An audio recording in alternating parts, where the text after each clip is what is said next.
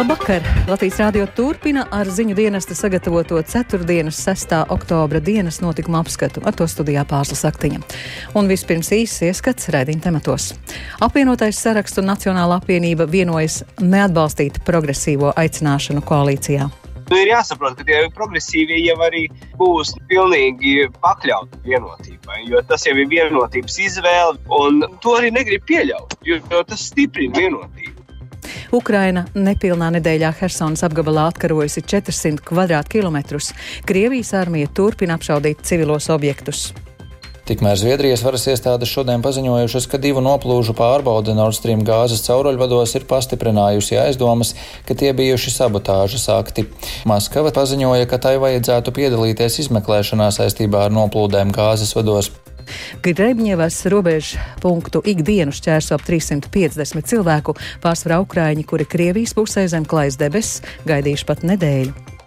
Mēs Krievijas pusē gaidījām septiņas dienas. Mašīnas stāv, cilvēki mirst. Kamēr mēs gaidījām, trīs cilvēki nomira tai pus robežai. Ļoti daudz bērnu, arī mazu bērnu, zem atklātas debesis, apsekti ar celofāna plēvēm.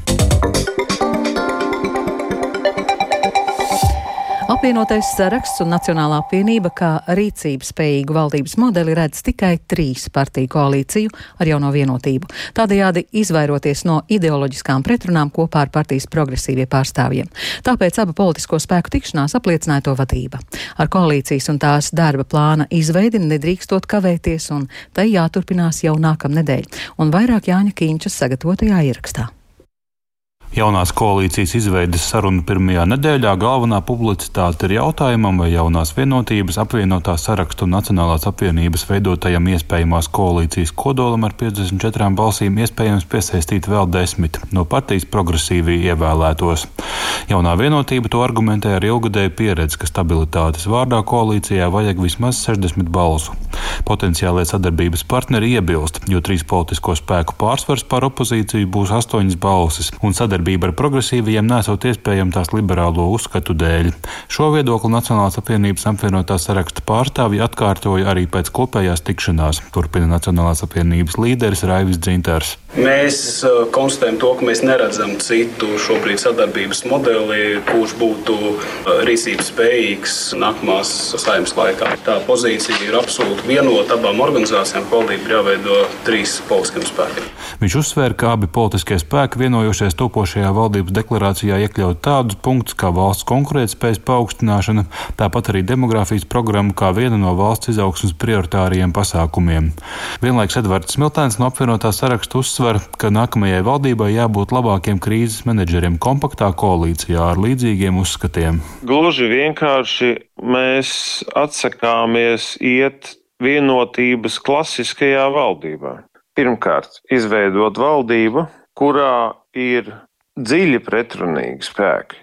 Nu, tie betonē konfliktu jau saknē. Nu, skaidrs, ka progresīvajā Nacionālā apvienība tur ies pa gaisu tādā valdībā. Ko tas nozīmē vienotībai? Pirmkārt, viņa iegūst iespēju sabalsot vai nu ar vieniem, vai nu ar otriem.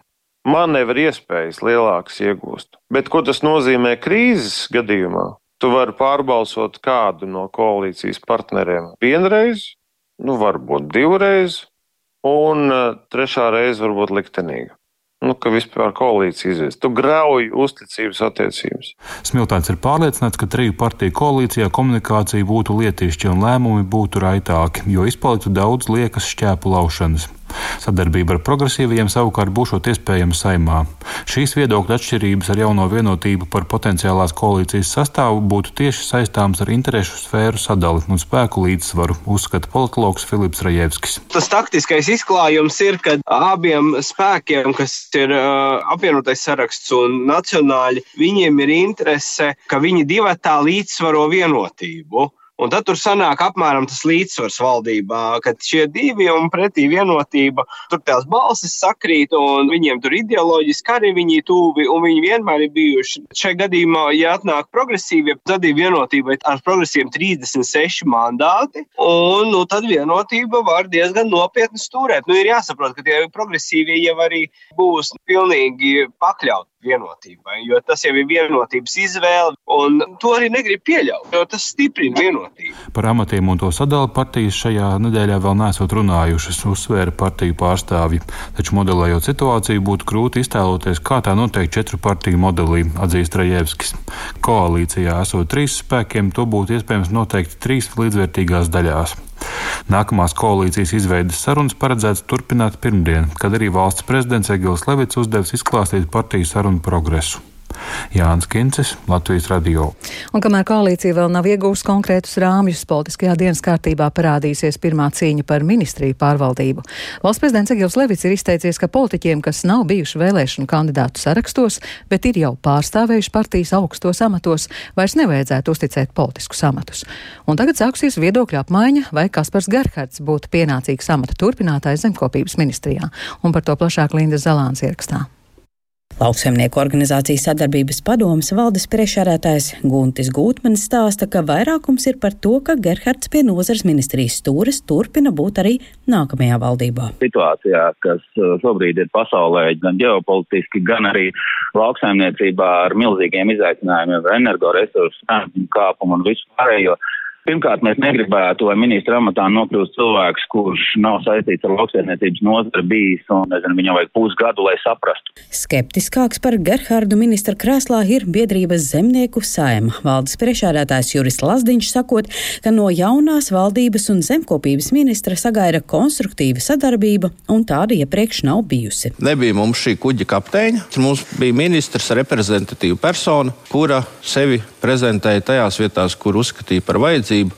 Savukārt tādu aizmuguri mēs, kā nozare, nejūtām, un arī ierēģi nejūta. Līdz ar to šis kuģis peldēja pa straumi, bet eh, šādā veidā turpināt tautsēmniecības būtiskāko nozari vadīt nedrīkst. Lazdiņš teica, ka zemkopības ministrijā līdz šim ir bijuši divi ministri. Viens valdības ieceltais un otrs pašpasludinātais, proti ministra biroja vadītājs Jānis Eglīts no Nacionālās apvienības. Un tad kurš tad galu galā pieņēma lēmumus, to mēs nezinām. Kur pieņēma lēmumus, to mēs nezinām. Rīgas Stradiņa Universitātes politikas zinātnes katedras docente Lelde Metla Rozentāla komentējot valsts prezidenta Egila Levita pausto, ka politiķiem, kas nav bijuši vēlēšanu kandidātu sarakstos, bet ir jau pār pārstāvējuši partijas augstos amatos, vairs nevajadzētu uzticēt politiskus amatus, teica, ka tas ir labs un pamatots priešlikums. Ja cilvēks ir ilglaicīgi jau politikā, ja viņš apzinās, ka viņš grib pretendēt uz uh, publiskiem redzamiem vadošiem amatiem, tad, protams, ka viņam būtu jāiziet arī šis sabiedrības novērtēšanas process. Politoloģi pauž, ka tā būtu loģiska ķēde, jo demokrātijas pamats ir tautas vara, un tautai ir jādod savs mandāts augstākajiem pārvaldes struktūra darbiniekiem. Linda Zalāne, Latvijas radio.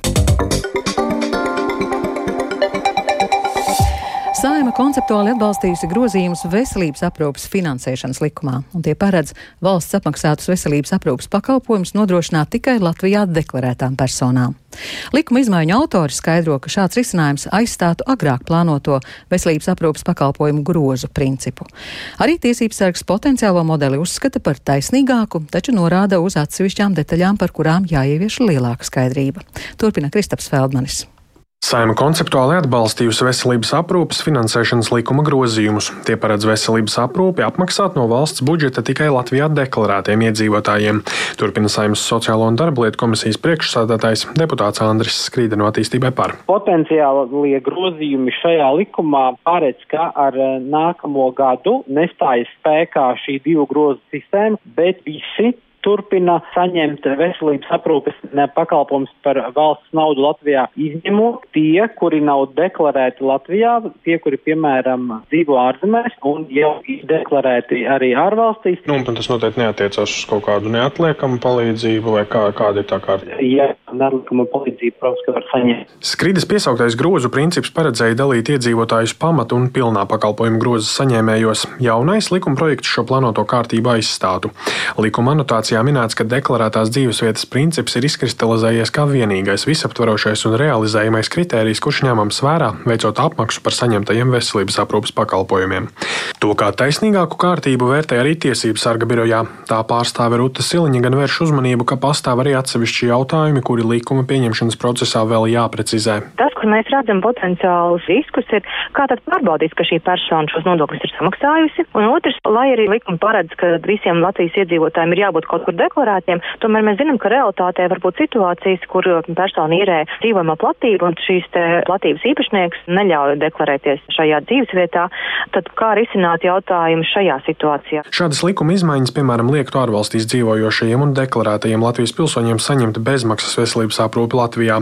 Kā Latvijas radio norāda Nacionālais veselības dienests, šī gada pirmajā pusē te jau 8700 personas, kuras deklarējušas savu dzīvesvietu ārzemēs, Latvijā saņēmušas valsts apmaksātos veselības aprūpas pakalpojumus. Valsts par to samaksājusi teju 1 miljonu un 244 tūkstošus eiro. Dienestā paredz, ka kopējā ietekme uz budžetu šajā gadā varētu būt gandrīz 2 miljoni un 488 tūkstoši eiro. Kristaps Feldmanis, Latvijas radio. No šodienas mikro uzņēmuma nodokļu maksātāji var sākt pieteikties saimnieciskās darbības ieņēmumu konta atvēršanai. Šis konts daļai mazo uzņēmēju būtiski mazinās administratīvo slogu, proti nodokļu maksātājs tiks atbrīvots no nodokļu summas ieskaitīšanas budžetā un no deklarācijas iesniegšanas. Plašāk Linda Zalāne. Saimnieciskās darbības ieņēmumu konta izveide ir pirmais mēģinājums, kas ir vainagojies ar gatavu produktu automatizēt nodokļu nomaksu Latvijā. Finanšu nozares asociācijas pārstāvis Edgars Pastars pauž cerību, ka šis pirmais solis būs veiksmīgs un šādā kontā nākotnē viegli varēs administrēt nodokļus ne tikai mikrouzņēmumu nodokļu maksātāji, kā tas ir paredzēts pat laban. Kā potenciālo loku mēs vērtējam starp 2,5 un 10 tūkstošiem. Nav jau arī vairāk mikrouzņēmumu nodokļu maksātāji šobrīd. Un viņu skaits drīzāk samazinās nekā pieaugums, mums tāda data bija līdz šim. Turklāt šis nodoklis nevienmēr visiem ir ļoti izdevīgs. Saimnieciskās darbības ieņēmuma konta būtība ir administratīvā sloga noņemšana, un nodokļu maksātājiem vairs būtībā nebūs pašam sev jābūt grāmatvedim, un valsts ieņēmuma dienestā nebūs jāiesniedz deklarācijas. Bet tikai atvērt atsevišķu speciālu kontu šim mērķim, un tajā saņemt ieņēmumus tikai par saimniecisko darbību, un automātiski kā ienāk transakcija, piemēram, persona saņem samaksu par pakalpojumu, piemēram, 300 eiro apmērā. Tā uzreiz 40% no summas tiek piebloķēti. Dienas laikā notiek saziņa ar valsts ieņēmumu dienestu un tiek saprasts, kāda ir reālā likme, kas ir jāpiemēro. Un uh, tad tā daļa naudas, kas pārsniedz faktiski piemēramo likmi, cilvēkam nekavējoties kontā tiek atgriezta. Valsts ieņēmuma dienesta nodokļu pārvaldes pārstāve Ginta Gruntmane skaidro, ka ieturētais nodoklis automātiski tiks ieskaitīts valsts budžetā un būtībā nodokļu maksātājiem vairs nav jāseko līdzi naudas plūsmai un nomaksātajiem nodokļiem. Tā kā nodokļu maksātājs tiek atbrīvots, teiksim tā, no nodokļu summas ieskaitīšanas budžetā un no deklarāciju iesniegšanas valsts ieņem dienestam. To no šodienas var izdarīt Industra banka, bet reāli dzīvē jaunā nodokļu administrēšanas kārtība sāks darboties no janvāra sākuma. Linda Zalāne, Latvijas radio. Rīgā Sartkana Daugavas pārvada pār dzelzceļa līniju Rīgas kulta plānots atklāt novembrī. Šodien vairāk nekā 400 metrus garo konstrukciju slogoja ar kravas mašīnām. Paredzēts, ka tilts būtiski atslogos galvaspilsētas centru no kravas mašīnām tranzīta transporta. Tuvākajos mēnešos plānots arī pārorganizēt vairākus sarkandaugavas krustojumus. Vairāk Viktora Demīdova ierakstā.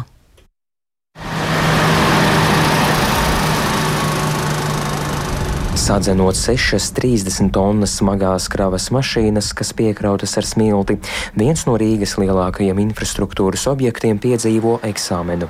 Sarkandaugavas pārvadu, kas savieno viestura prospektu ar Tvaika ielu, slogo visneizdevīgākās vietās, lai iegūtu maksimālās izlieces un saprastu, vai uzbūvēts ir kvalitatīvi. Vērot slogošanu nebija aizraujoši, jo process noritēja lēnām, kravas mašīnām ik pa laikam pabraucot uz priekšu vai atpakaļ, bet tas ir ļoti būtisks pārbaudījums pirms objekta atklāšanas. Notikumam uzmanīgi sekojas līdzi Rīgas Tehniskās Universitātes profesors Ainārs Paeglītis. Tātad šeit mēs redzam, ka te ir apmēram piecas konstrukcijas, kas ir uzbūvētas. Līdz ar to mēs arī varbūt piecās vietās liksim šo slodzi. Tad redzēsim, kā tie rezultāti būs. Bet nu, es domāju, ka būs labi, jo izskatās jau, ka ir nu, godprātīgi uzbūvēts pārvads. Pārvadu būvēja jau vairāk nekā divi ar pus gadus. Tā laikā bija radušies sarežģījumi, kas būvdarbus paildzināja. Iesākumā to bija paredzēts pabeigt jau pirms vairākiem mēnešiem, bet to ietekmēja vairāki apstākļi, un viens no nopietnākajiem ir karš Ukrainā, kura dēļ tilta izmaksas ir pieaugušas par 1,2 miljoniem eiro, kopumā sasniedzot nepilnus 46 miljonus eiro. Tagad jau rit pēdējie darbi, turpina būvnieku pārstāvis Edgars Vaivots. Nu, šobrīd ir tātad tiešām šie finiša darbi, objekta nodošana eksploatācijā. Šobrīd es neredzu tādas lielas problēmas, lai mēs šogad to visu nepabeigtu. Bet uh, melns kaķis vienmēr var pārskriet pāri. Šis ir viens no nozīmīgākajiem satiksmes infrastruktūras objektiem ne tikai Rīgai, bet arī visai Latvijai. Tā atzīmē galvaspilsētas vicemērs Vilnis Čirsis no jaunās vienotības, skaidrojot, ka tas kombinācijā ar topošo austrumu maģistrāli veidos Rīgas centra apbraukšanas loku, kas ļaus no pilsētas sirds novirzīt kravas spēkratus un tranzīta braucējus. Tas, ka kravas auto brauc gar prezidenta pili pa krastmalu vai pa senču ielu, pērnavas ielu un tā tālāk, tā tad paliks pagātne. Un visbeidzot, sarkandoga vienmēr bijusi sadalīta divās daļās. Nu, šī dzelzceļa pārbrauktuves tilta iela, jā, viņi sadalīja divās daļās. Tad šobrīd mēs pamazām pārcelsim plūsmu no šīs tilta ielas uz uh, Tvaika ielu un šo pārvadu. Nu, tādējādi varēs sarkandoga atkal apvienoties savā ziņā. Mēs jau ceram, ka varētu uz valsts svētkiem tiltu rīdziniekiem, Rīgas viesiem lietošanu. Nobraucot no jaunā pāroda centra virzienā pat Vaika ielu, sastrēgumi var rasties pie krustojuma ar ganību dambi. Lai no tiem izvairītos, pašvaldība apņemas tuvākajos mēnešos krustojumu pārveidot. Līdzīgs plāns ir arī ar citiem lieliem sarkandaugavas krustojumiem. Viktors Demidovs, Latvijas radio. Prāgā norisinās pirmā Eiropas politiskās kopienas sanāksme. Čehijas galvaspilsētā 44 Eiropas valstu politiskie līderi apspriež ekonomikas un drošības jautājumus. Sākotnējā ideja izveidot šādu platformu pieder Francijas prezidentam Emanuelam Makronam, kurš tajā saskata iespēju uzturēt attiecības ar līdzīgi domājušām valstīm. Tomēr tagad līderi uzsver, ka Eiropas politiskā kopiena nav tikai priekštelpa valstīm, kas vēlas pievienoties Eiropas Savienībai. Ierodoties Prāgas pilī, Nīderlandes premjeras Marks Rute sacīja, ka dialogs ar līdzīgi domājošām valstīm ir ļoti būtisks. Savukārt Latvijas valdības vadītājs Krišjāns Kariņš no jaunās vienotības piebildis, ka karš Ukrainā rada izaicinājums, ko neviena Eiropas valsts vienatnē nevar pārvarēt. Faktiski pat Eiropas Savienība viena to nevar. Mums ir vajadzīgi visi šie partneri. Pirmie, Norvēģija ir atslēga ar gāzes piegādēm. Jautājums, vai Norvēģi varētu eh, piegādāt lētāk gāzi Eiropai. Šveice ļoti svarīga sankciju ziņā, ka nevarētu apiet, teiksim, izmantot Šveices izslavēto finanšu sistēmu, apiet vienu otru sankciju. Tātad mums ir visiem jāstrādā kopā. That today this group of leaders feels sufficiently secure to discuss amongst themselves. Es ceru, ka šī līderu grupa jutīs jutīsies pietiekami komfortabli, lai apspriestu, kā viņi saredz pašreizējo situāciju un kādus soļus varētu spērt, lai nodrošinātu divas lietas. Pirmkārt, Eiropas drošību, it sevišķi ņemot vērā pašreizējo briesmīgo Krievijas agresiju pret Ukrainu, un otrkārt, kādus soļus spērt enerģētikas, klimata pārmaiņu un ekonomikas jomā. Turpinoties Ukrainas armijas pretuzbrukumam, tiek atbrīvotas arvien jaunas apdzīvotas vietas, tikmēr Krievijas armija turpina apšaudīt civilos objektus. Krievijas ārlietu ministrija šodien paziņojas, ka Krievija ir pilnībā apņēmusies ievērot kodolkara nepieļaujamības principu. Un plašāk stāsta Rihards Plūme. Krievijas armijas raķešu triecienu sagrā ceturtdienas rītā skāra Zaporīžju. Raķetēm trāpot dzīvojamajās ēkās bojā gāja vismaz trīs cilvēki, bet vēl vairāk nekā desmit ievainoti. Apšaudes turpinājās arī dienas laikā, apgrūtinot seku likvidēšanu. Tikmēr turpinās Ukrainas armijas pretuzbrukuma operācijas.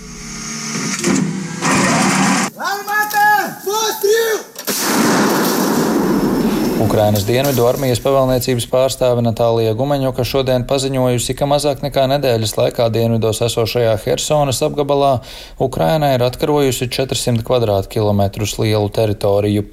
Britu izlūkdienesti secinājuši, ka Ukrainas bruņoties spēki frontes līniju Hersonas apgabalā pavirzījuši vēl 20 km tālāk, un Krievijai trūkst karavīru Hersonas apgabala aizsardzībai. Savukārt austrumos, kur arī pamazām tiek atkarotas jaunas teritorijas, Harkivā Krīvas apgabala deokupētajā daļā līdz šim atrasti 534 Krievu iebrucēju nogalināto civiliedzīvotāju mirstīgās atliekas. Šajā skaitā ietvertas arī 447 cilvēku mirstīgās atliekas, kas uzietas masu kapā izjumā. Pēdējā laikā nereti izskan vairāku ekspertu un analītiķu viedokļi par to, cik iespējama vai neiespējama ir kodolieroču pielietošana no Krievijas puses. Tikmēr Krievijas ārlietu ministrijas preses pārstāve Marija Zahārova šodien izteicās, ka Krievija joprojām ir pilnībā apņēmusies ievērot principu nekad nepieļaut kodolkaru. Российская Федерация в полной мере привержена принципу недопустимости ядерной войны. Мы неоднократно говорили, подтверждали это. Krievijas federācija ir pilnībā apņēmusies ievērot kodolkara nepieļaujamības principu. Mēs to esam vairāk kārt teikuši un apstiprinājuši. Šādā karā nevar būt uzvarētāju, tas nekad nedrīkst tikt sākts. Es nepārlasīšu visus doktrinālos dokumentus par šo tēmu, jo mūsu nostāja nav mainījusies. Позиция не претерпела никаких изменений. Tikmēr Zviedrijas varas iestādes šodien paziņojušas, ka divu noplūžu pārbaude Nord Stream gāzes cauruļvados ir pastiprinājusi aizdomas, ka tie bijuši sabotāžas akti. Kā teikts valsts prokurora paziņojumā, var secināt, ka Zviedrijas ekskluzīvajā ekonomiskajā zonā Nord Stream 1 un Nord Stream 2 cauruļvados ir notikušas detonācijas, kas ir izraisījušas plašus gāzes cauruļvadu bojājumus. Nozieguma vietā ir savākti pierādījumi, un tie tagad tiks pārbaudīti. Sīkāka informācija netiek atklāta atsaucoties uz izmeklēšanas konfidencialitāti un norādot, ka jautājums ir ļoti jūtīgs. Maskava trešdien paziņoja, ka tai vajadzētu piedalīties izmeklēšanā saistībā ar noplūdēm gāzes vados. Savukārt šodien Kremļa runas vīrs Dmitrijs Peskovs izteicies, ka saņemta noraidoša atbilde. По дипломатическим каналам мы получали информацию о том, что в настоящий момент не имеется в виду какие Pa diplomātiskajiem kanāliem saņēmām informāciju, ka šobrīd nav plānots aicināt Krievijas pusi piedalīties izmeklēšanā. Un arī pa diplomātiskiem kanāliem mēs paudām savu viedokli, proti, ka šāda nostāja ir ļoti nožēlojama.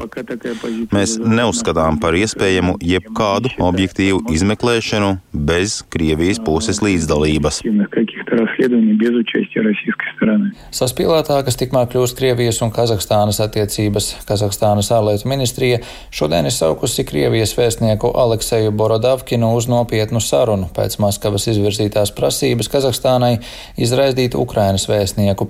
Savukārt pašā Krievijā opozicionāram un publicistam Vladimiram Karamurzam izvirzītas apsūdzības valsts nodevībā. Viņam draud līdz 20 gadiem cietumā. Par to arī ziņo laikraksts Izvestija un citi valsts kontrolētie mediji. Karamurza šobrīd atrodas izmeklēšanas izolatorā saistībā ar apsūdzībām par armijas diskreditāciju, un šajā lietā viņam jau draud līdz desmit gadiem cietumā. Šī lieta pret viņu tika ierosināta aprīlī. Rihards Plūme, Latvijas radio. Un vēl šī gada Nobela balva literatūrā piešķirta franču rakstniecei Annijai Erno. To paziņoja Zviedrijas akadēmija. Viņa pagodināta par drosmi un klīnisko asumu, ar kādu viņa atklāja saknes, atsvešināšanos un personīgās atmiņas kolektīvos ierobežojumus, paziņoja akadēmija. Pagājušajā gadā Nobela balva literatūrā piešķirta Tanzānijā dzimušajam rakstniekam Abdulrazakam Gurnam, kurš raksta angļu valodā un dzīvo Lielbritānijā. Stāsta Rihards Plūme. 1940. gadā Normandijā dzimusī franču rakstniece Annija Erno ir ļoti populāra ar saviem vienkāršajiem romāniem, kas balstīti personīgajā pieredzē par šķiru un dzīmumu. Erno darbi ir atklājuši viņas pašas ceļu no strādnieku šķiras meitenes uz literāro eliti, pievēršot uzmanību sociālajām struktūrām un viņas pašas sarežģītajām emocijām.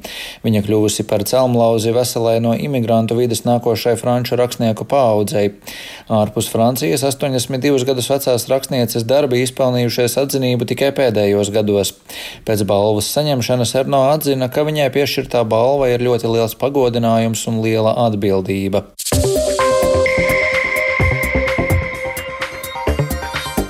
Ar to izskan dienas notikuma apskats. Producents Edgars Kupčs ierakstus montēja Renāša Steimans, par labskaņu rūpējās Kristaps Eida, ar jums runāja Pārslas Saktiņa. Un vēl īsts par svarīgāko. Apvienotais saraksts un Nacionāla apvienība vienojas neatbalstīt progresīvu aicināšanu koalīcijā. Ukraina nepilnā nedēļā Hersonas apgabalā atkarojusi 400 kvadrātkilometrus. Krievijas armija turpina apšaudīt civilos objektus. Saima konceptuāli atbalsta apmaksāt veselības aprūpas pakalpojumu sniegšanu tikai Latvijā deklarētiem iedzīvotājiem. Šī raidījuma atkārtojumu meklējiet raidierakstu platformās kā dienas ziņas un Latvijas radio mobilajā lietotnē. Latvijas radio ziņām sekojiet arī Latvijas radio viens Facebook lapā un LSM LV.